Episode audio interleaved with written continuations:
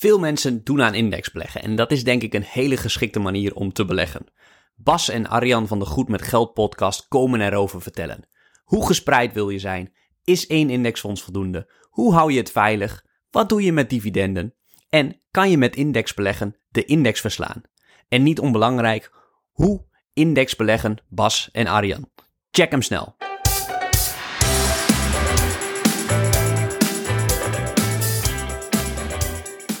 Ja, welkom uh, Bas en Arjan van de Goed met Geld podcast.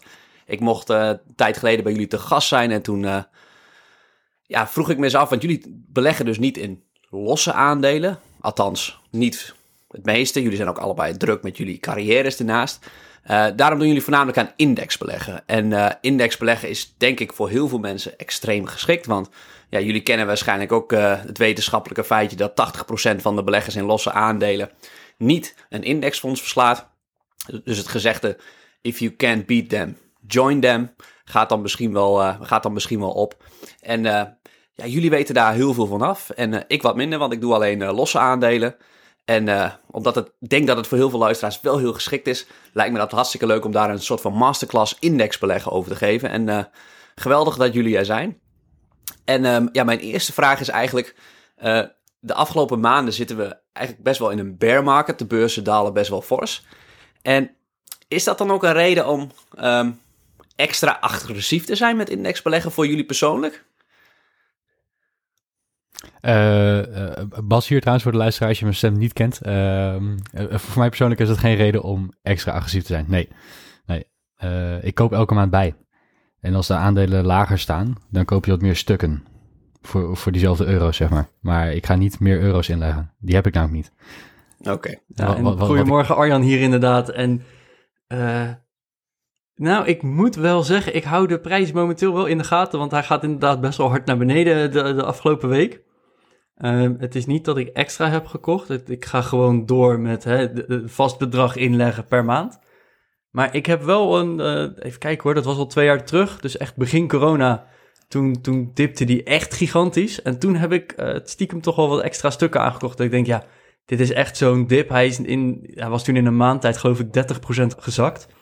Dat ik ook dacht van ja, uh, die 30% goedkoper, dat vond ik echt wel de moeite. Uh, nu is die een paar euro lager, dus dat vond, vind ik nog niet echt de moeite. Maar ik, ik hou het wel in de gaten dat als die opeens nu weer 30% dipt, dan, dan wil ik wel een stukje van mijn, van mijn spaargeld erin stoppen. En dan verkoop je je koelkast, zeg maar, uh, voor wat cash om daarin te stoppen. Ja, wasmachines zijn overrated. Ja, ja en, en je hebt het over, uh, je, je, geeft het, je indexfonds een naam, je noemt hem uh, hij of het. welk in, is dat, beleg jij in één indexfonds, Arjan, en welke is dat? ja, inderdaad, één indexfonds en dat is VWRO. gewoon van, ja, van Vanguard, dus eigenlijk de, de all world index uh, die gewoon eigenlijk alle aandelen ter wereld zo ongeveer volgt. Uh, van Vanguard. En ja, je hebt een aantal aanbieders, maar ja, Vanguard is een van de grotere partijen erin. En er zitten onderliggend wel 3000 aandelen in, vermoed ik? Uh, ja, 3, 3.500, zoiets, ja. En wat, wat zijn voor diegene de, de, de jaarlijkse kosten? Oeh, goede vraag. Uh, ik, ik geloof dat de, de TER, dus dat de, de Total uh, Expense Ratio, die zit bij VWRL rond de 0,27, 0,3 uh, uit mijn hoofd gezegd. Ja, zijn eigenlijk... Ja, is een tijdje geleden is, is die verlaagd. Hè? Dus wat je ziet is dat er een soort efficiëntieslag ontstaat op het moment dat het fonds groter wordt.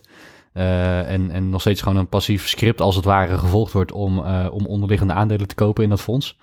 Uh, dan hebben we niet bij twee keer zoveel euro's ook twee keer zoveel uh, managers nodig om uh, die euro's te beheren. En dan zie je dus dat er een efficiëntieslag ontstaat en dat, dat kosten verlaagd kunnen worden op gegeven. En dat, dat is wel iets wat, wat Vanguard heel goed doet. Hè. Arjan geeft aan dat dat een van de grotere fondshuizen is op de wereld. misschien wel de grootste de week, nou, misschien BlackRock wat groter nog.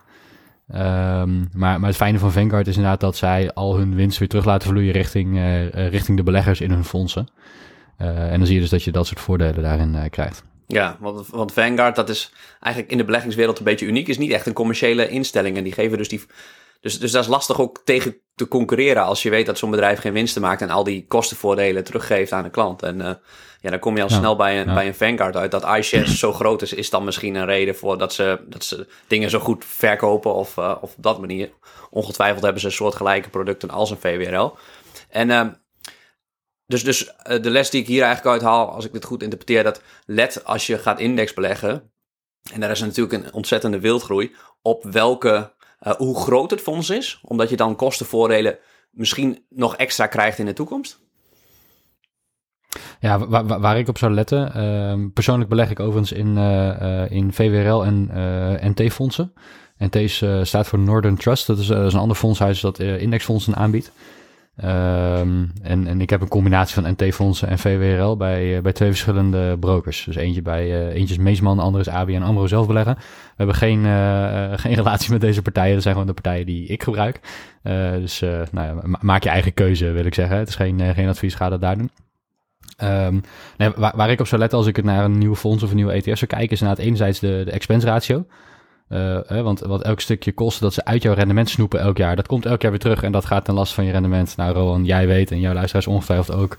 Uh, de cumulatieve interest is, uh, ja, dat is key. En op het moment dat je dus je rente, of nee, je rendement gaat verlagen, om, omdat je kosten hoger worden, ja, dat, dat gaat je op de lange termijn gewoon heel veel geld kosten. Dus dat is best wel eentje om, om op te letten.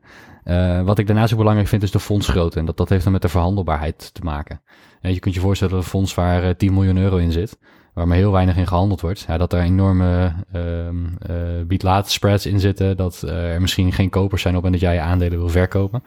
Uh, en dat je als je een VWRL waar, nou ik, ik, ik doe een gok, ik heb het niet opgezocht, maar misschien wel honderden miljoenen aan belegd vermogen in zitten, of misschien wel miljarden. Uh, dat, dat, dat de verhandelbaarheid daar vele malen beter is. Ja. ja, en je weet zeker dat die over uh, 20 jaar waarschijnlijk nog bestaat. Dat is, uh, dat is ook wel ja, lekker. dat er nu en ook van een alternatief is. Ja, ja. ja. Oké, die, die twee dingen noem je. Zijn er, uh, Bas of Arjan, nog andere dingen waar, wat jullie als tip mee zouden geven waar op te letten bij het selecteren van een indexfonds? Nou, een van de dingen die momenteel gewoon best wel, uh, best wel groot zijn, is hè, groene beleggingen, zulke dingen. Uh, dat zou sowieso al iets kunnen zijn waar je, waar je naar kan kijken op het moment dat je zo'n fonds selecteert. Van hey, ga je alleen maar in bedrijven, zijn, bedrijven investeren of in zo'n fonds zitten die alleen maar in bedrijven investeert, die gewoon beter zijn voor mensen en milieu. Uh, dat, daar zou je hè, gewoon uit persoonlijke overweging nog rekening mee kunnen houden. Um, dan heb je ook nog, de, ja, het zijn vooral ook voorkeuren. Je hebt uh, fondsen of ETF's die uh, dividend direct uitbetalen aan jou. Hè? Van hier heb je elke maand of elk kwartaal of misschien zelfs elk jaar wordt er dividend uitbetaald. Um, maar er zijn er ook die het gewoon weer herinvesteren. Dus dan, dan hoef je er zelf niet eens meer zorgen om te maken. De, de, prijs stijgt gewoon en de waarde stijgt. En ja, dan, dat, hè, dat scheelt weer werk. Uh, terwijl voor hetzelfde geld zeg je, nou, ik wil elke keer een beetje afromen. Dus dat dividend, dat room ik automatisch een beetje af. Hoef ik in ieder geval niks te verkopen. Nou, dat, dat, al dat soort voordelen, uh, of, ja, voorkeuren eerder, dat, dat zijn gewoon dingen waar je zelf even over na moet denken. Van ja, waar, waar voel ik me prettig bij? Ja, ja. En uh, de VWRL, is, is die dan uitbetalend of is die, uh, doet die het dividend herinvesteren? Uh, ik krijg elk kwartaal mijn, uh, mijn dividend uitbetaald.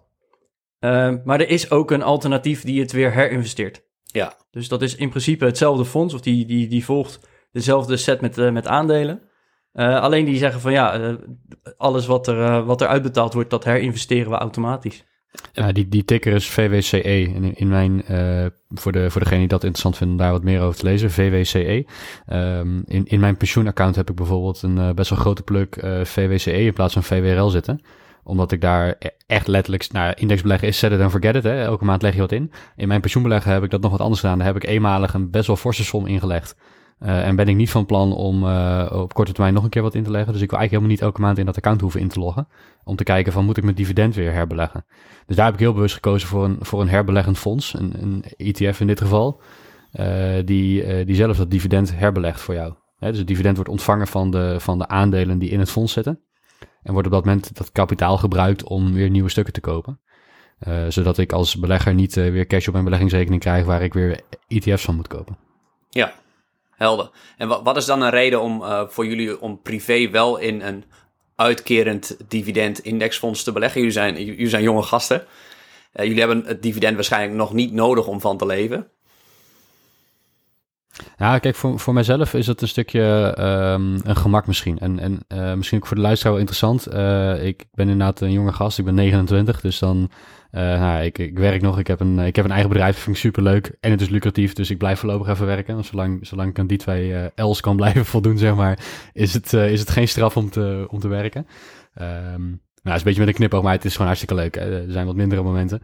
Uh, maar, maar ik ben niet van plan om voorlopig te stoppen. Uh, wat ik wel doe, is dat ik het geld wat ik nu verdien... Ja, ik, ik snap dat het, uh, dat het misschien niet, uh, niet voor eeuwig is. Dus ik stop heel veel geld inderdaad in, in mijn beleggingen. aan de ene kant hebben wij een, een beleggingspand dat we verhuren. Nou, daar komt natuurlijk... nou, dat is geen dividend, maar daar, daar komt wel cashflow uit. we ontvangen huur, daar betalen we de hypotheek van. verzekeringen, de VVE, allerlei andere kosten. En dan blijft er een stukje over elke maand. Ja, dat, dat staat dan gewoon op je bankrekening. Uh, dus dat, dat is eigenlijk al een soort dividend, cashflow, nou, hoe, hoe, je het wil noemen, wat, wat uit zo'n belegging komt. voor nu beleggen wij dat volledig. Hè. Dus die cashflow die we krijgen, die gaat 100% uh, richting uh, de aandelenportefeuille. Um, en, en in onze aandelenportefeuille hebben we, zoals ik zei, een mix tussen wat NT-fondsen en VWRL. bij Meesman en bij ABN AMRO. En VWRL daar is uitkerend. Dat gebeurt één keer per kwartaal, dan worden er wat euro's overgemaakt. Daar, die gebruiken we dan die maand om, uh, om stukken te kopen. Uh, dus die, die voegen we gewoon bij de maandelijkse inleg als het ware. Uh, die NT-fondsen die keren volgens mij, dat moet ik even goed zeggen, dat gebeurt niet zo heel vaak. Ik denk dat die één keer per jaar uitkeren. Maar dat ze via Meesman automatisch herbeleggen. Dus dan keert die uit en wordt die direct herbelegd door Meesman. Omdat die, die zitten er als broker tussen, die hebben dan ja, zo'n service als het ware. Um, dus dat, ik durf niet precies te zeggen hoe, hoe vaak of hoe dat werkt, want ik zie het eigenlijk nooit gebeuren. Dat is misschien wel een goed teken. Dat het, uh, dat het echt lekker passief is. Ja. En wat is voor, jullie doen het dus, jullie hebben allebei een VWRL. En, maar jullie doen het net even anders. Volgens mij, Arjan, als ik het goed begrijp, doe jij, koop jij gewoon maandelijks of in ieder geval periodiek. Ik weet niet wat precies de periode is. Ja. Elke, elke eerste dag van de maand uh, maak ik wat over. En nog voordat de beurs opent, uh, koop ik gewoon een aantal stukken tegen de prijs die op dat moment er is. Um, ik hoef er ook niet meer over na te denken op dat moment. Oké, dus geen enkel stukje emotie die, van... Die fout, die, die fout heeft u al eens gemaakt. Ja, die, die, fout, ook, die fout heb ik echt wel eens gemaakt. Dan probeerde ik zelfs het indexfonds te timen. Uh, dat ik dacht van, nou, hij, hij zakt nog wel een, een cent of twee. Uh, want dan kon ik net een stuk extra kopen. En nou, eh, lang verhaal kort, zes weken later had ik nog steeds niks gekocht, want hij was nooit meer die 2 cent gezakt. Dus uh, hij was 3 euro gestegen, geloof ik. Dat ik dacht, ja, had ik nou maar gewoon hup tegen de, de prijs op dat moment. Hè, en ook heel eerlijk, ik zit er inderdaad nog in voor, nou, ik ben dan 31. Uh, mijn doeldatum is een beetje rond mijn 50ste genoeg te hebben. Dus ik zit er gewoon nog voor bijna 20 jaar in ja, dan maakt het niet uit of je nou 2 cent meer, 3 cent minder of uh, zelfs die euro maakt waarschijnlijk niet uit. Want over 20 jaar, dat is zo'n lange termijn, ja, dat, die invloed merk je dan niet zo heel erg. Nee, nee. En nu heb je voor jezelf als vaste regel wat je, wat je net beschreef. Ja, ja. En, en... dus uh, elke, elke maand een, uh, een vast bedrag leg ik erin. Uh, ja, dat is eigenlijk gewoon het geld wat ik maandelijks overhoud. En ik weet ongeveer wat ik maandelijks overhoud. Dus vooraf leg ik dat al in. En dan moet ik de rest van de maand maar rondkomen met wat er nog over is. Ah, dat is een goede dus goede uh, tip. Op die manier. Goeie tip. Arjan, je hebt nu uh, jouw manier beschreven. We hebben ook Bas' manier gehoord. We zijn net even ietsie anders van elkaar. Wat is nou de reden, Arjan, dat jij bijvoorbeeld alleen voor een VWRL gaat? En Bas, waarom maak jij, maak jij een beetje die splitsing? Uh, de, de, reden dat wij die splitsing maken is dat mijn vriendin en ik uh, deels samen beleggen en deels beleg ik ook uh, nog in mijn eentje. dus we hebben op een gegeven moment wij onze financiën gecombineerd, maar alles wat daarvoor niet gecombineerd was, hebben we apart gelaten. Dat had te maken dat ik een eigen bedrijf heb, dat ik een, ik had dat beleggingspand al. dus dan, dan wil je toch wat zaken daar gescheiden houden. en ik had ook al een aardige beleggingsportefeuille bij, bij Meesman lopen. En die, laat, die, die blijft van mij, zeg maar. Die is niet gezamenlijk. Dus die, ehm, die laat ik daar ook lopen. Uh, en omdat het appartement ook voor mij is, laat ik alle cashflow die eruit komt, gewoon die Meesman-rekening uh, voeden. En that's it. Nou, Meesman belegt in NT-fondsen, in de, de Northern Trust uh, indexfondsen. Misschien interessant om straks nog even terug te komen op wat, wat een indexfonds van ETF, wat, wat daar het verschil ongeveer in is.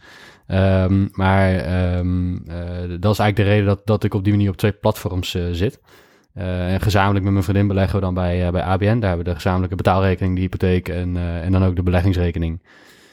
Um, in eerste instantie zijn we bij ABN ook begonnen in NT-fondsen, totdat zij op een gegeven moment ook VWRL gingen aanbieden. En wat we nu doen zijn is dat we gewoon elke maand VWRL bijkopen. Uh, totdat we ongeveer evenveel VWRL's in die NT-fondsen hebben zitten. En daarna moeten we even kijken wat we gaan doen. Dus ik, ik denk niet per se dat de ene beter is dan de ander. Um, de spreiding uh, naar de wereldwijde aandelenmarkt is ongeveer hetzelfde. Die NT-fondsen moet je in een bepaalde verhouding dan kopen. Dat, daar kan je er twee of drie van kopen, zeg maar. Dat je de, ook uh, de kleinere bedrijven en opkomende markten meeneemt. Um, ja, dan, dan is je spreiding grofweg hetzelfde. Uh, VWRL is ietsje goedkoper, maar bij de NT-fonds heb je wat minder dividendlek. Dus ja, ik denk uh, onderaan de streep dat het elkaar niet zo heel veel zal ontlopen. En dan, uh, dan beschouw ik het maar weer als een, als een klein stukje extra diversificatie. Naast dat je 3500 aandelen koopt in verschillende regio's en valuta enzovoorts.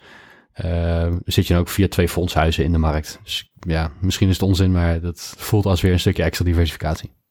Ja, ja, en uh, in, mijn geval is dat dus ook de diversificatie. Ik ben ooit begonnen met crowdfunding of crowdlending in dit geval. Uh, daar zat ik gewoon 100% in. En op een gegeven moment dacht ik van ja, dat is ook wel heel risicovol om alles alleen maar daarin te hebben. Uh, dus toen ben ik gewoon uh, niet meer daarin in gaan leggen, maar in, in dit geval VWRL. Ja, en dat is dus gewoon eerst eens gaan opbouwen. En daar, ik pak eigenlijk altijd een strategie. En die strategie wil ik gewoon een jaar of twee, drie volhouden. Uh, om inderdaad te zeggen van oké, nou op dit moment is mijn strategie. Crowdfunding blijft hetzelfde uh, bedrag erin en ik, leg in in VWRL. Zodat dat in ieder geval eerst naar de 50-50 gaat. Nou, uh, daar zit ik nu op. Dus ik ben recent ook met mijn, met mijn strategie weer bezig geweest van oké, hoe gaat zich dat nu verder ontwikkelen? Wat zijn mijn volgende doelen en mijn volgende stappen? Nou, op dit moment is het inderdaad nog VWRL gewoon bijleggen. Maar ik moet ook zeggen, als ik op een gegeven moment straks een, een nieuwe trigger of een nieuwe threshold heb behaald, dat ik ook ga zeggen van oké, ik zit nu, uh, ik heb alles bij één broker en alles in één ETF. Eh, dan ga ik wel weer om me heen kijken van hey, is het misschien verstandig om via inderdaad een NT-fonds of inderdaad via een andere broker als een Meesman of een ABN of nou, hè, welke dat op dat moment gewoon heel geschikt is, om op die manier ook daar spreiding in te, uh, in, aan te brengen. En Daarmee wil ik niet zeggen dat alles bij één broker een gevaar is. Uh, maar ik zie het wel, dat, want alles staat in, in losse rekeningen, losse accounts. Dus uh, die aandelen zijn ook daadwerkelijk voor mij. Dat is niet het probleem. Maar op het moment dat er inderdaad iets met de Giro is, waar ik dan beleg, uh, dan zie ik het wel voor me en dat ik opeens misschien wel een maand of twee er niet bij kan. Nou, dat zie ik dan wel weer als risico. Ook al is alles nog steeds voor mij, ik ben nog steeds afhankelijk van die ene partij. Nou, en dat ja, je is kunt dus... denken aan een, uh, aan een hack of een IT-risico dat het systeem gewoon niet werkt en dat je niet bij je geld kan. Ja, bijvoorbeeld. Ja, dat, hè? Ja. Uh, net zoals dat je, hè, als, als jouw bank failliet gaat, ja, de eerste 100.000 is via het depositogarantiestelsel gewoon gedekt. Uh, maar je kan nog steeds niet pinnen, want je bank is failliet. Hè? Ook al heb je nog steeds recht op dat geld, dat is heel leuk, maar je kan er niet bij, je kan er niks mee. Het duurt ja, even, dat, dat, en dat, dat klinkt misschien heel stom of een beetje leekachtig, maar ik zie dat als een risico. Dus uh, ik zeg gewoon op dat moment van, nou, ik, en ik ben nog echt niet bij die threshold en ik maak me er ook echt geen zorgen om. Maar op het moment dat ik inderdaad een bepaald bedrag heb bereikt, dan zeg ik, nou, ik ga nu door naar een tweede partij om daar eens te kijken van, hey, doen jullie het op dezelfde manier? Zijn de, de kosten ook vergelijkbaar? Want ik ga niet opeens drie keer zoveel betalen. Uh, maar als, hè, als het qua kosten en, en methodes hetzelfde is, dan vind ik het niet erg om een tweede partij erbij te krijgen. Nee, voor de luisteraar goed om te weten is dat uh, het misschien wel verstandig is om dingen simpel en overzichtelijk te houden. Uh, dus ga voor je eerste duizend of misschien zelfs uh, de eerste 10 of 50.000 euro die je belegd hebt, niet meteen dat over 10 verschillende brokers zitten verspreiden. Met 10 logins en overal een klein plukje aandelen. Dat is misschien wat onhandig. Maar ik kan me wel voorstellen Arjan dat je zegt op een gegeven moment, ik heb nu zoveel op één platform staan, dat je daar een stukje platformrisico wil afdekken. Ja. ja. Helder. En um, wat Arjan, jij zit nu bij de Giro. Ja. En um, stel dat de broker helemaal veilig is. Je, je weet dat het 100% gedekt is, dat de overheid altijd zegt je kan er gelijk blijven. We doen even die, die theoretische aanname. Zou jij dan ja. je hele leven lang één indexfonds blijven kopen? Of zou je dat dan wel gaan spreiden bij een bepaald uh, volgend bedrag? Uh, nou, ik, ik, ik denk dat dat ook gewoon met die strategie-update af en toe gebeurt. En dat heeft ook juist te maken met de strategie die zo'n indexfonds, uh, zo'n ETF volgt. Want op het moment dat we inderdaad straks, uh, dat ik zo'n threshold bereik en ik kom erachter van, hey, VWRL zit toch al in een aantal bedrijven die ik ja, minder zou willen hebben. Hè. Ze, ze, ze maken, ik, ik, ik weet het niet precies, hè, maar bijvoorbeeld ze zeggen, nou, ehm, ja, tabaksindustrie, wapenindustrie, dat soort dingen. Uh, who cares? Het, het, brengt een hoop op, dus we zitten er gewoon lekker in. Volgens mij is dat niet het geval, maar uh, dat zijn wel van die dingen die je op, op zo'n moment ook meeneemt. Um, dus en hè, je wil zo min mogelijk handelen, dus waarschijnlijk blijf ik dan wel in dat bedrag, het bedrag in dat fonds zitten. Of ze moeten echt actief dingen gaan, gaan promoten die echt niet door de beugel kunnen. Maar uh, dat zal niet zomaar gebeuren. Maar ik, ik, dat zijn wel ook dingen die, uh, die ik meeneem in de overweging. Ja, nou, in onze instapcursus daar zeg ik eigenlijk van... Uh, ja, wat jij eigenlijk doet, maandelijks kopen voor een vast bedrag. niet meer naar omkijken, geen emotie. Als je het kan laten automatiseren, prima. Anders doe je dat gewoon handmatig. Zet je, zet je een wekkertje één keer in de maand. en dan zeg ik, één indexfonds is voldoende. En dan krijg ik nog wel eens reacties op onze community op van ja, mensen kunnen qua gevoel er gewoon niet bij dat je je geld in één ding stopt. Hoe kijk je, hoe kijk je, misschien Bas? Ja, eh, dat is wel de grap. Hè? Je stopt je geld dan niet in één ding. Dat, dat, dat, dat is het een beetje. Je ziet het alleen niet. Um, misschien een klein stukje, een, stap, een zijstapje maken naar wat is een indexfonds. Uh, nou, jouw luisteraars die weten natuurlijk wel wat aandelen zijn. Uh, ga er maar even vanuit, hè. Um, en, en, we kennen allerlei beursindexen. De AEX is daar één van. Er zitten 25 Nederlandse bedrijven in. De, de S&P 500 is er een. Er zitten 500 Amerikaanse bedrijven in. Zo heb je allerlei indexen op de, op de beurs. Die een bepaalde weging hebben. Hè, waar dus bepaalde verhoudingen die aandelen in zitten. In de AEX hebben we 25 aandelen, maar die zijn niet ieders 4%. Hè. Sommige aandelen zijn zwaarder gewogen erin, andere zijn lichter gewogen. Um, en, en wat een indexfonds is, is een fonds dat het geld wat jij inlegt, wat je met z'n allen inlegt, dus stel wij gaan met z'n drieën geld uh, bij elkaar stoppen, dan zouden we met z'n drieën ieders 1000 euro inleggen, dan hebben we 3000 euro om aandelen in zo'n in zo'n index te kopen. dan heb je een heel piepklein indexfondsje. maar, maar dat is wel, dat, dat is hoe een indexfonds eigenlijk werkt. Hè? Dus dan koop je één indexfonds, of je legt 1000 euro in, in één indexfonds, en dat doe je met heel veel deelnemers. Um, en, en van al het kapitaal dat op die manier wordt opgehaald, worden aandelen gekocht volgens de verhouding zoals ze in de index zitten die je probeert te volgen. Um, je hebt dan het gevoel dat je één stuk hebt gekocht ergens in, of dat je in één, uh, in één product iets hebt gekocht. Uh, een AX-indexfonds, een S&P 500-indexfonds of een, een All-World-index uh, misschien.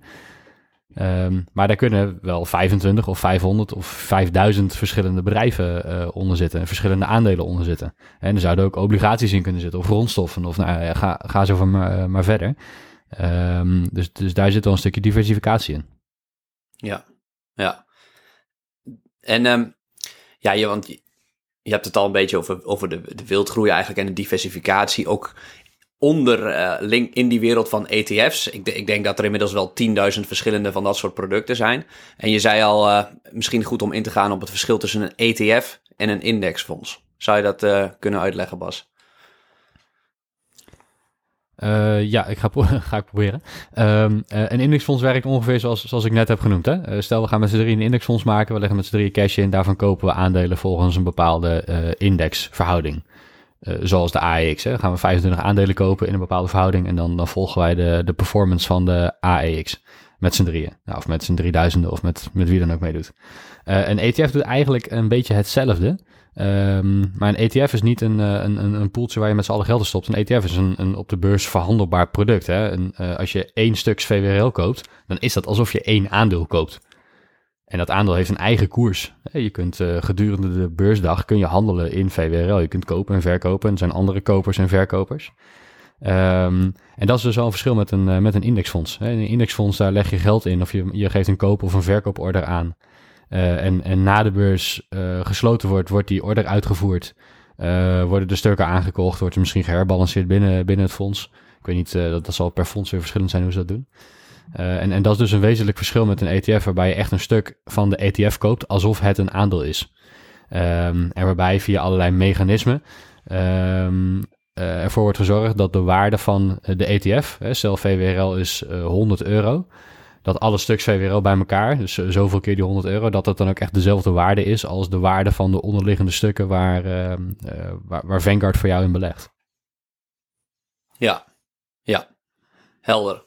En Um, wat, wat ik ook wel eens uh, vragen over krijg, dat er dan een ETF op de videogame-industrie of een ETF op de cybersecurity of de chipsector. Hoe kijken jullie aan tegen zulke, zulke zaken? Want de, de theorie is dan natuurlijk, die sectoren gaan heel hard groeien in de toekomst. Dus daar zullen de rendementen misschien wel beter zijn dan een VWRL. Dus eigenlijk door passief te beleggen, door actief passief te gaan beleggen, kun je misschien een passief indexfonds verslaan. Ja, misschien wel. En, en dan, dan zit je eigenlijk een beetje in tussen wat ik doe en wat jij doet, uh, Rowan. Jij, jij zegt van, nou, ik, ik doe heel veel onderzoek en ik kies een paar aandelen uh, waarvan ik denk dat, dat die rendement gaan maken in de, in de komende jaren. Ik zeg, ja, ik heb geen idee en ik wil eigenlijk ook die tijd er niet in stoppen. Dus ik koop alle aandelen die er zijn. Dan zal ik vast al die paar pareltjes hebben. En, en ja, er zullen er ook een paar zijn die wat minder doen. Maar gemiddeld genomen heb ik dan mijn rendement. Als je gaat slicen en dicen in je, in je, in je portefeuille. Kijk naar alle aandelen op de wereld. Die kan je op allerlei manieren indelen. Je kunt inderdaad zeggen, we gaan ze naar industrie indelen. We hebben de olieindustrie en de videogame-industrie en pharma en uh, banken en vastgoed. En nou, noem maar op wat voor, wat voor sectoren je kan maken. Je hebt uh, uh, alle aandelen uit Europa of uit Amerika of uit Azië. Je kunt allerlei doorsneden natuurlijk maken. Um, ja, ik, ik persoonlijk kijk daarna van, ja, ik weet niet of Azië het beter gaat doen dan Europa of dat videogames het beter gaan doen dan banken. Ik wil ze gewoon allemaal hebben. Ik, ik, ik weet het namelijk niet. En dat is misschien wel het mooie van een marktgewogen index, is dat als er een, een, een bedrijf wat, wat kleiner is failliet gaat, dan doet dat wat minder pijn. Maar als dat bedrijf het heel goed gaat doen, dan is het niet alleen maar dat de waarde van het bedrijf meer waard wordt, waardoor jouw portefeuille ook meer waard wordt. maar ook de beweging van dat aandeel in jouw portefeuille wordt groter. Waardoor je, waardoor je winnaars worden, uh, uh, steeds meer waard worden als het ware. Ja, marktgewogen. Maar ik moet hier wel ook aan, aan toevoegen, want ik, ik had het er net al over, hè, van die hè, voor mensen en milieu goede bedrijven. Uh, Zo'n ETF is er ook. Hè, dat er bedrijven uitgesloten worden, omdat die dus hè, minder goed zijn voor mensen en milieu. Of hè, de, de, de, de, de, SEG dat geloof ik. Uh, dat vind ik ook nog wel een, een ETF die dan te benoemen is. Van, je kan inderdaad oh, op locatie, op type, sector, op noem maar op. Maar je kan ook daar. En dat zou er dan nog eentje zijn waarvan ik zeg van, nou, die, die snap ik dat je inderdaad daar een soort van statement mee wil maken. Uh, die kan ik dan misschien zelfs persoonlijk beter begrijpen dan wanneer je zegt, uh, ik denk dat alle olieindustrie het toch wel goed gaat doen, dus ik ga lekker in een olie-ETF eh, zitten. Is ook wat voor te zeggen, maar ja, ik, ik denk dat dat het risico verhoogt dan wanneer je echt iets meer met een statement. En dan maakt het bijvoorbeeld ook niet uit als je een half procentje minder rendement maakt. Nee, nee dat heb je natuurlijk ook helemaal niet echt bewust door. Uh, als, je, als, als dat iets minder is of dat je kosten iets hoger zijn aan het eind van de rit, valt het helemaal niet zo op. Ja, volgens mij is er ook zelfs een ETF, ik weet niet of jullie dat weten, dan, dat is een soort uh, zonde van de mens ETF. Die belegt dan alleen in tabaksbedrijven, uh, energiebedrijven, gokbedrijven, wapenindustrie. Ik weet niet het recente Ik ben ik wel benieuwd hoe goed die het doet. Ja, ja, ja inderdaad. Hoeveel mensen zitten daarin? Ja. De ticker is 666, of niet? ja, ja. Maar uh, oh. nee, misschien, uh, misschien kan ik dat uh, in, in, mijn nieuwsbrief meenemen om dat even, even op te zoeken. Maar, dat is wel een interessante. Ja, ja, ja of dat nou echt... ik, ik, ja, ik geloof er eigenlijk niet in dat dat op de lange termijn beter werkt. Ik, ik denk inderdaad, wat Arjan, wat jij zegt ook... Ik denk dat duurzaamheid ook op de lange termijn voor, voor aandeelhouders gaat werken. Dat zie je bij bedrijven als Tesla. Dat, ja. dat, kan, dat kan prima gaan. En natuurlijk zijn er excessen en uh, ja, zijn daar domme investeringen uh, financieel gezien door, bepaalde bedrijven. Uh, maar ik geloof dat ik doe mijn trainingen wel eens de TSWE, als mensen willen weten. Dus van Van Eck is eigenlijk de derde of vierde speler naast BlackRock en Vanguard. Misschien leuk om, om eens naar te kijken. Want wat, wat raden jullie eigenlijk aan als, je, als mensen op zoek gaan naar een ETF? Wat, wat, is dan, wat is dan een stap? Ga je dan naar de website van uh, Vanguard? Of uh, hoe, hoe, zou, hoe zou je dat doen? En stel ze, ja, we willen iets verder kijken dan de VWRL en de VWCE. Ja, uh, we hebben hier al eens een aflevering over opgenomen trouwens, over het, uh, het kiezen van een ETF inderdaad. Als je zegt, hey, ik heb een beleggingsstrategie voor mezelf geformuleerd en ik wil, ik wil iets gaan uitzoeken. Kijk, waar ik altijd mee zou beginnen is inderdaad de vraag, Rowan, die jij net heel terecht stelt. Dus waar wil je in beleggen? Uh, voor mij persoonlijk is dat in de hele wereldeconomie. Uh, in, in, in, zoveel mogelijk verschillende aandelen. Het liefst allemaal, als dat zou kunnen. Uh, voor andere mensen is dat alleen in Europa of alleen in landen in de eurozone of alleen in de technologie sector. Hè? Dat, dat, dat kan een keuze zijn die je maakt. Ehm, en dan zou ik inderdaad, als je zegt van nou, ik heb zo'n doorsnede gemaakt waar ik in wil beleggen, dan is denk ik de volgende stap dat je een, een ETF gaat kiezen die daar goed bij past. En, en wat ik net al noemde, wat dan belangrijk is, is dat je gaat voor eentje met uh, liever lagere kosten dan hogere kosten omdat die gewoon direct één op één op je rendement doorwerken. En cumulatief over de komende 20, 30 jaar doet dat pijn als, dat, als je hele hoge kosten maakt. Uh, de fondsgrootte vind ik een belangrijke. En kies daar inderdaad niet, niet het beleggingsadvies van mij, maar ik zou altijd kiezen daarvoor een BlackRock, een, een Vanguard of een, een Van Eck, een Northern Trust. Dat, dat soort grotere fondshuizen. Vanwege de verhandelbaarheid. Um, ik meen dat de website justetf.com heet. Daar kun je um, ook met een gratis account kan je vrij goed zoeken naar welke ETF's bestaan er nou allemaal. En dan krijg je gewoon filters. Dan kan je zeggen, ik wil uh, in uh, Noord-Amerika, de technologie sector, weet ik veel, kan je allerlei filters maken. en dan komt er gewoon een lijstje met ETF's uit, met hoe ze heten, wat de ticker is. en die kun je vervolgens bij een broker weer intypen om te kijken of die daar te koop is. Dat, dat is een beetje de, even in een vogelvlucht de route die ik zou nemen als ik naar een nieuwe ETF op zoek zou zijn. Hm. Ja, ja. Oké, ik, ik vind het wel cool. Jullie doen het eigenlijk zo. Wij hebben het in onze podcast wel eens over de dode belegger die de beste rendementen behaalt, omdat hij gewoon niks doet. En uh, beleggen is uh, ja, het, het, enige vak waarbij niks doen wordt beloond. Ik denk dat een metselaar of een uh, leraar, een leraar moet niet stil voor de klas gaan zitten. Dan, dan gaat het niet goed. Maar bij beleggen is dat nee. dus wel. En ja, jullie laten dat eigenlijk ook heel mooi zien door gewoon het zo ultra simpel te houden en ja, te ook te kijken, denk ik, van waar rendeert ook mijn tijd het beste. En ja, ik, ik weet niet hoe leuk jullie beleggen in losse aandelen zouden vinden om, om bedrijven te bestuderen. Misschien als dat toevallig een, ja, volgens mij is dat niet een extreme hobby van jullie, maar als dat een hobby was, dan zou je misschien waarschijnlijk wat meer voor individuele aandelen kunnen gaan. En eventueel wat beter rendement halen dan een indexfonds, maar ook natuurlijk een stuk slechter. Um, zijn jullie daar als, als mensen ook erg mee bezig? Hoe, waar rendeert mijn tijd het beste? Als, als ondernemer wel, ja. Ja. Ik maak wel heel erg de keuze dan ik kan, ik kan 100 uur in mijn bedrijf werken of 100 uur een aandeel uh, researchen. In die 100 uur kan ik geld verdienen dat ik ook in mijn indexfonds kan stoppen. En dan, dan neem ik het op de koop toe dat ik misschien een wat minder rendement maak. Uh, dan hoef ik er ook van niet over na te denken. Dus dat is inderdaad heel erg van waar stop ik wel tijd of energie in. Um, al moet ik zeggen dat ik de beurs en, en beleggen en, um, en het kijken naar bedrijven wel heel interessant vind. En dat ik af en toe ook wel met een klein beetje speelgeld wat, wat aanroebie daarin. En dat gaat meestal niet goed. Daarom doe ik het alleen met een klein beetje speelgeld. Um, maar ik kan me een moment herinneren, een aantal jaren geleden, dat ik dacht, nou, Tesla, dat is wel interessant. Op een gegeven moment kwamen de eerste paar Tesla's in Nederland uh, rondrijden. Ik kocht een paar aandelen Tesla voor in totaal, weet ik veel, nou, nog geen duizend euro. Um, ik denk van, nou, dat durf ik dan wel aan. En uh, vervolgens die koers die ging bop, bop, bop, lekker omlaag, omlaag, omlaag, omlaag. En uiteindelijk dacht ik van, nou, dit is het toch niet. Dus uh, toen die weer een beetje begon op te krabbelen, heb ik ze weer verkocht voor ongeveer break-even. Maar ondertussen zat ik elke, elke, dag naar die koers te kijken, omdat ik gewoon super gefrustreerd was natuurlijk van, nou ja, waarom staan mijn beleggingen nou weer diep in het rood? Ja. Um, en als we nu gaan kijken, dan staat de koers ongeveer vijf keer zo hoog als dat die toen stond. Dus ja, het, het, ik vind het wel interessant, maar ik heb toen een beetje afgeleerd om, uh, om er heel actief mee bezig te zijn.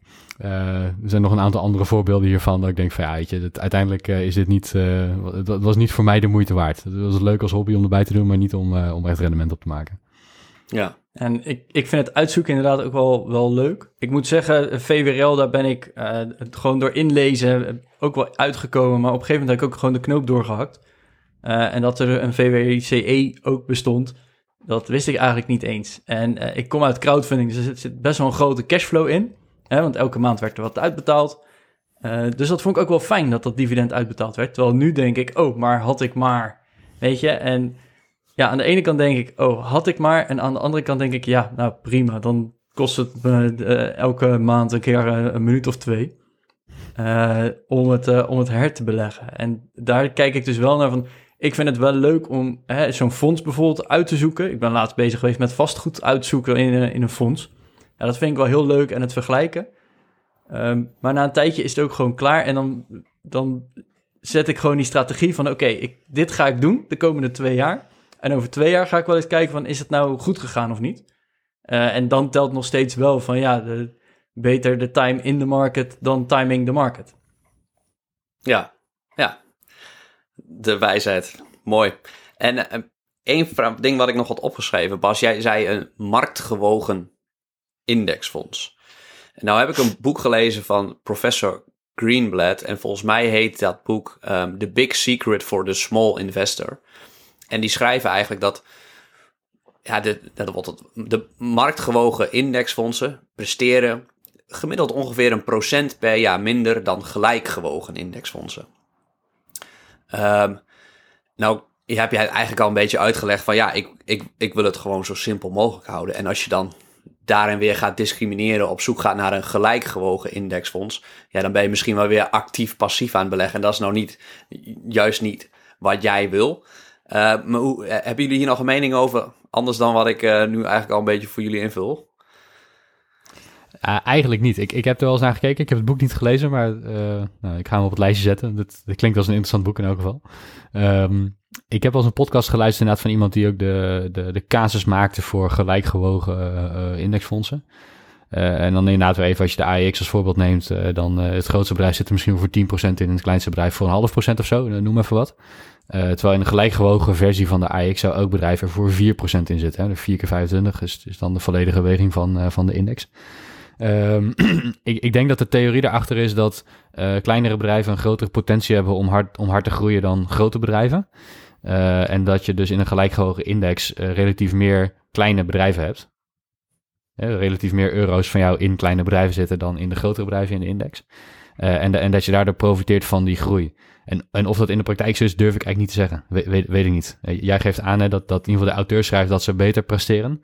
Um, ik, ik, vind het zeker wel de moeite waard om eens naar te kijken. En, en als je de tijd hebt, hè, je beleggingshorizon hebt, ja, waarom niet? Je kunt er altijd een beetje mee experimenteren. Um, waar ik dan wel weer benieuwd naar zou zijn, is zijn er ook goede indexfondsen of ETF's te vinden die in die hele grote wereldindexen uh, gelijk gewogen beleggen um, voor vergelijkbare kosten, liquiditeit enzovoort. Als dat er is, dan, dan zou ik wel aandurven om bijvoorbeeld te zeggen van ik doe de helft van mijn portefeuille in een gelijkgewogen versie van VWRL misschien als die zou bestaan. Uh, om dat gewoon eens een periode te bekijken. Ik heb inderdaad wel eens een podcast geluisterd en ik, ik weet eigenlijk niet eens meer met wie het was. Volgens mij met Meesman of met iemand van Van Eck. Uh, daar ging het inderdaad over, over het gelijkwegen daarvan. Uh, die hadden ook een ETF waarin alles gelijk gewogen was. Uh, dus ik vind het zeker wel een interessante. Dat ik denk van, hmm, er zit wat in. Ehm, de andere vraag die bij mij meteen opkomt, bij VWRL, ik geloof dat 1% al Apple is. omdat Apple een van de, de grootste bedrijven is. Maar die 1% van heel VWRL, uh, dat is volgens mij meer dan de waarde van sommige andere bedrijven. Dus als je het inderdaad echt gelijk gewogen hebt, dan uh, wordt. Ik denk dat sommige bedrijven dat niet eens kunnen, omdat ze gewoon te weinig waard zijn. Uh, zeker als je het op een wereldwijde index wil hebben. Ja, dat klinkt. Ik zie jullie allemaal lachen. Want, als, je, als, je, als je het met, als je het met, de, met, met de hoeveelheid cash in VWRL zou vergelijken, bijvoorbeeld. Uh, dan, ja, dan is het gewoon niet te doen. Want dan koop je gewoon volledige bedrijven. Nou, en zulke ETF's zijn nog geen Berkshire Hathaway die gewoon de hele, zo'n heel bedrijf kunnen kopen. Ehm, dus ik, ik zie daar een probleem ontstaan. En of dat inderdaad realistisch is of niet, dat, ja, ik, ik zie dit gewoon gebeuren. En zeker met hele grote bedragen, dan koop je gewoon volledige bedrijven op. Dus dan kan het op een gegeven moment niet meer. Want je kan niet meer aandelen of meer waarde uit zo'n bedrijf uh, trekken. Um, hoe, dus hoe kijk jij zie... naar Rowan dan? Ben jij bekend ja. met, uh, ja, met, met, met, de grote, met de grotere gelijkgewogen indexen? Nou, ik, ik, noemde de TSWE, dus dat is een duurzaam gelijkgewogen index. Uh, die, uh, want uh, heel scherp van je, Arjan, want inderdaad, dat werkt in de praktijk niet als je dat over 3.500 bedrijven moet spreiden. Maar die doet het dan in 250 verschillende bedrijven. En dan, en dan allemaal wat grotere bedrijven. En uh, ja, dan, dan kan dat dus wel. Um, wat, wat misschien een nadeel is, wat, wat je ook wel kan bedenken, is dat uh, het moet ook elke keer herwogen worden, elk jaar. En dat brengt misschien iets hogere kosten met zich mee en dat soort, dat soort zaken. Um, met, het is uh, inderdaad heel scherp van je gevonden. Ik, uh, dat boek is, gaat eigenlijk ook, ik weet niet de periode precies, maar over de afgelopen 50 jaar onderzoekt hij dan. Maar de afgelopen 10 mhm. jaar heeft het bijvoorbeeld niet gewerkt. Hebben de marktgewogen ja. indexfondsen het een stuk beter gedaan. Heeft ook veel te maken met de grote, Arjan, je noemde Apple, de, de Microsoft van deze wereld, die de afgelopen 10 jaar ja. juist zo goed hebben gedaan. Dat die grote bedrijven zo goed hebben gedaan. En ik vind het heel moeilijk, want er zijn ook wel uh, theorieën dat we te maken krijgen met de, een uh, exponentiële wereld, met de power laws. Dat de een kleine groep steeds machtiger wordt en groter. En dat het uh, de nieuwste grote bedrijf over tien jaar in één keer 10.000 miljard aan waarde gaat hebben. Waardoor die hele theorie uit het verleden, waarbij je bedrijven nog lokaal actief waren en waarbij de kleine de grote nog kon verslaan, of in ieder geval qua waardering, eh, dat dat niet meer opgaat. Dus ik, ik worstel ermee. Ik, weet- ik weet het niet hoe dat de toekomst uit gaat zien. Ik ben, ik ben heel benieuwd. Want Hoe doe je wat dat is in- over hoe doe het algemeen je, je mening over gewoon indexfondsen? Want hè, ik, ik weet jouw portefeuille, dat is eh, 10, 15 aandelen. Eh, terwijl wij zitten echt gewoon zo breed mogelijk en zo makkelijk mogelijk. Wij doen er gewoon helemaal niks mee eigenlijk, behalve elke maand een beetje bijkopen. Eh, zou, zou jij dat ook kunnen? Dat je inderdaad gewoon andere hobby er gaat zoeken en eh, gewoon vijf minuten per maand. Ja. Ja. Ja, dit, dit, dit, is mijn leven. Dit, dit is zo leuk. En het, het lukt me de afgelopen elf jaar om de index, indexfondsen aardig ruim te verslaan. Nou, dat, dat kost ook best wel veel tijd. Dus je kan je dan afvragen van... ehm, of dat qua uren die je erin steekt, of dat er wel uit kan. Ik, ik, ik denk op de lange Ja. termijn wel. Als ik de komende elf jaar een indexfonds niet versla... Ja, weet ik niet. Dan zou het dus financieel slimmer... Dan zou dus betekenen dat de afgelopen elf jaar geluk was. En eh, dat ik dus eh, beter kan gaan index beleggen. Ja, ik weet niet of ik het dan, dan ga index beleggen. Ik, ik, vind het, ik vind het te leuk om eh, individuele bedrijven te kiezen en die te volgen. Gewoon de mooiste bedrijven op deze wereld te bestuderen. Ja, dat, dat is gewoon, eh, dat vind ik gewoon heel leuk. Ja, En eh, ja, dat is, een, dat is een sport op zich. Dat is, een, dat is een fantastisch spel. En dan de ene jaar ga je wat slechter dan een indexfonds. En de andere jaar ga je wat beter. En op de, op de lange termijn probeer je het te verslaan. En ja, kijk, ik, ik denk dat er ook wel... Kijk, jullie kennen Berkshire Hathaway. Het bedrijf Zeker. van Warren Buffett. En zo zijn er nog een aantal bedrijven. En ja, ik denk dat soort bepaalde holdingbedrijven... misschien met 1 of 2 procent per jaar zo'n indexfonds... vrij makkelijk kunnen verslaan met wat lage risico's... en best wel gespreid zijn. Alhoewel je altijd, altijd meer risico neemt dan eh, dat je 3500 aandelen tegelijk koopt. Maar dan, ja, ik, ik, ik vind het vrij makkelijk als je je hoofd een beetje koel houdt, je mindset op orde hebt om zo'n indexfonds te verslaan. Maar het kost wel tijd. Het kost wel tijd. En, eh, Mhm. Zou, zou je Berkshire kunnen vergelijken met een indexfonds op een gegeven moment, als je dat nu koopt, omdat zij zoveel eh, holdings hebben inmiddels? ja. Dat je eigenlijk via Berkshire belegt in Coca-Cola, in American Express, in al, nou ja, noem de namen maar waar zij in zitten. Ja, maar, maar wel met een hoger risico. Eh, velen denken van niet, omdat ze een cashpositie hebben van ruim 100 miljard. Dus als de markt dan in elkaar dondert, hebben zij cash en kunnen zij goedkoop inslaan. Dus zou, je- zou je kunnen zeggen, daar hebben ze een soort extra plus. Ehm, Mhm. Maar ja, ze zitten wel eh, voor ruim 100 miljard ook in Apple. En als er met Apple iets gebeurt, dan heeft dat behoorlijke impact. Dus er is per definitie wat meer Mhm. risico. ja. Ja, precies. En misschien ook wat meer oude economie, hè, waar, waar Buffett dan in belegt. Dat, zou ik misschien ook wel als een risico zien.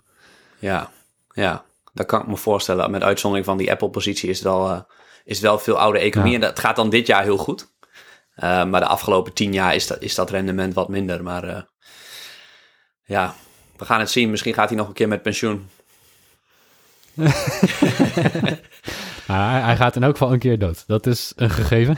Ja, Dus het, eh, het, het, stopt, het stopt ooit een keer. Zou dat nog een risico zijn voor, voor Berkshire? Dat, dat er een andere topman eh, moet komen? ja ik, ik, ik heb daar wel aardig wat boeken over gelezen. Ook over de cultuur in Berkshire. En ik denk dat hij wel redelijk goede mensen in het bedrijf heeft neergezet. Maar ja, je weet het toch niet als zo'n eh, zo'n echte leider weggaat. En dat het in één keer mensen dat veel minder leuk vinden om voor de volgende leider te werken en dat heel goed te doen. Hmm. Ja, er zijn zeker wel risico's. Ja. Goed, we, we, worden, we worden er stil van. Ehm, we, we gaan afsluiten. Ik, ben ook wel heel, ik wil jullie heel erg bedanken. Eh, waar kunnen mensen meer over jullie vinden? Jullie hebben, weet ik, een te gekke podcast, de Goed met Geld show. Eh, waar kunnen we meer over jullie vinden? Waar kunnen we jullie volgen? Eh, Spotify, Apple Podcast en eh, een, een aantal andere podcastspelers, te veel om op te noemen. Eh, zoek op Goed met Geld podcast, dan, dan vind je ons zeker. Eh goedmetgeldpodcast.nl, onze website. Daar vind je ook de afleveringen op met stukjes begeleidende teksten bij. Kun je een contactformuliertje invullen om met ons in contact te komen. Eh, Instagram, het Goed met Geld, denk ik, Arjan? Ja. Daar zijn wij ook te vinden. Dus ehm, ja, ik denk genoeg contactkanalen. En elke week een eh, nieuwe aflevering over geldzaken in de breedste zin van het woord. Ja, over Ja, dus eh, wat- personal finance op de vrijdag. Ja. Op de vrijdag. Dus dan Ja, kan je dus, eerst die... alles wat met geld te maken heeft. Dus eh, dat, dat kan zijn, we hebben het een keer over zonnepanelen gehad. En hè, wanneer heb je het rendement eruit, elektrische auto's. eh, en hè, wanneer wordt dat goedkoper, maar ook investeren. Eh, FIRE, dus hè, eerder kunnen stoppen met werken. Eh, de spaarrekening selecteren, nou, verzin het maar. Er zijn zoveel onderwerpen en links met geld. En elke week pakken wij er eentje uit om, eh, om onze mening erover te geven, het uit te diepen, het uit te leggen. Om eh, ja, toch leuke en goede content te maken. Heel vet. En dat doen jullie. Ik heb wel, ik heb wel eens geluisterd over bepaalde onderwerpen. Ook een leaseauto bijvoorbeeld, hoe je dat doet. Nou, fantastisch. Als je, dat, als je op zo'n moment in je leven voor zo'n keuze staat, dan kan zo'n podcast even echt vanaf, vanaf een onafhankelijk perspectief. Want zo kijken jullie ernaar en dat doen jullie geweldig. En daar wil ik jullie naast deze podcast heel erg voor bedanken. Ja, dat is, dat is fijn om te horen. Thanks. Oké, okay, en de luisteraar bedankt voor het luisteren en graag tot de volgende week.